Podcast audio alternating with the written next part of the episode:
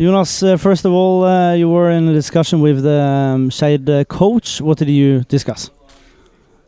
Outside or in? Uh, both, maybe. Uh, well, it started when uh, when we were in front of the camera. Uh, like the way he speaks is uh, it's just it's ridiculous. You always heard that rumors that uh, like he's he's how I put it special.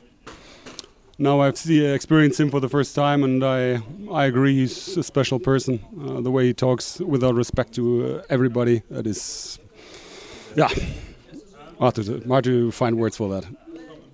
But uh, in the game, you had some uh, quite good um, saves, especially at at the end there. How do you feel about your own performance?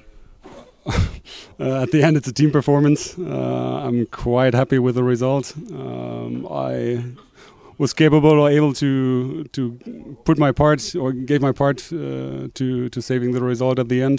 So on that, I'm I'm happy. Uh, we're working for that uh, with my goalkeeper coach and, uh, and the and the staff in general and the, the team in general. So if it pays off at uh, at the weekend or now during the week on game day, uh, then of course you're happy. But after all, you're satisfied with one point. Another away game at uh, Raufoss. How do you see that game? I, I don't know how much you know about Raufoss then. Uh, that, that is also a thing. I think in, in in other divisions that would be not, or in other countries that would not be possible. Is that you that you have uh, two away games in uh, you call it also an English week here. If you have two games in a in a week or, or three games, It's uh, normal. call it English week.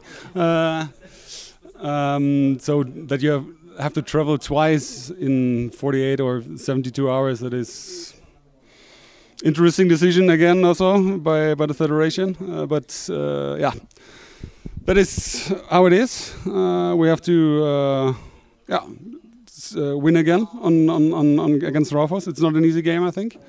They are quite good in the table. They have a quite a good, decent squad. Um, so again, a tough game for us, and uh, yeah, but we need to win.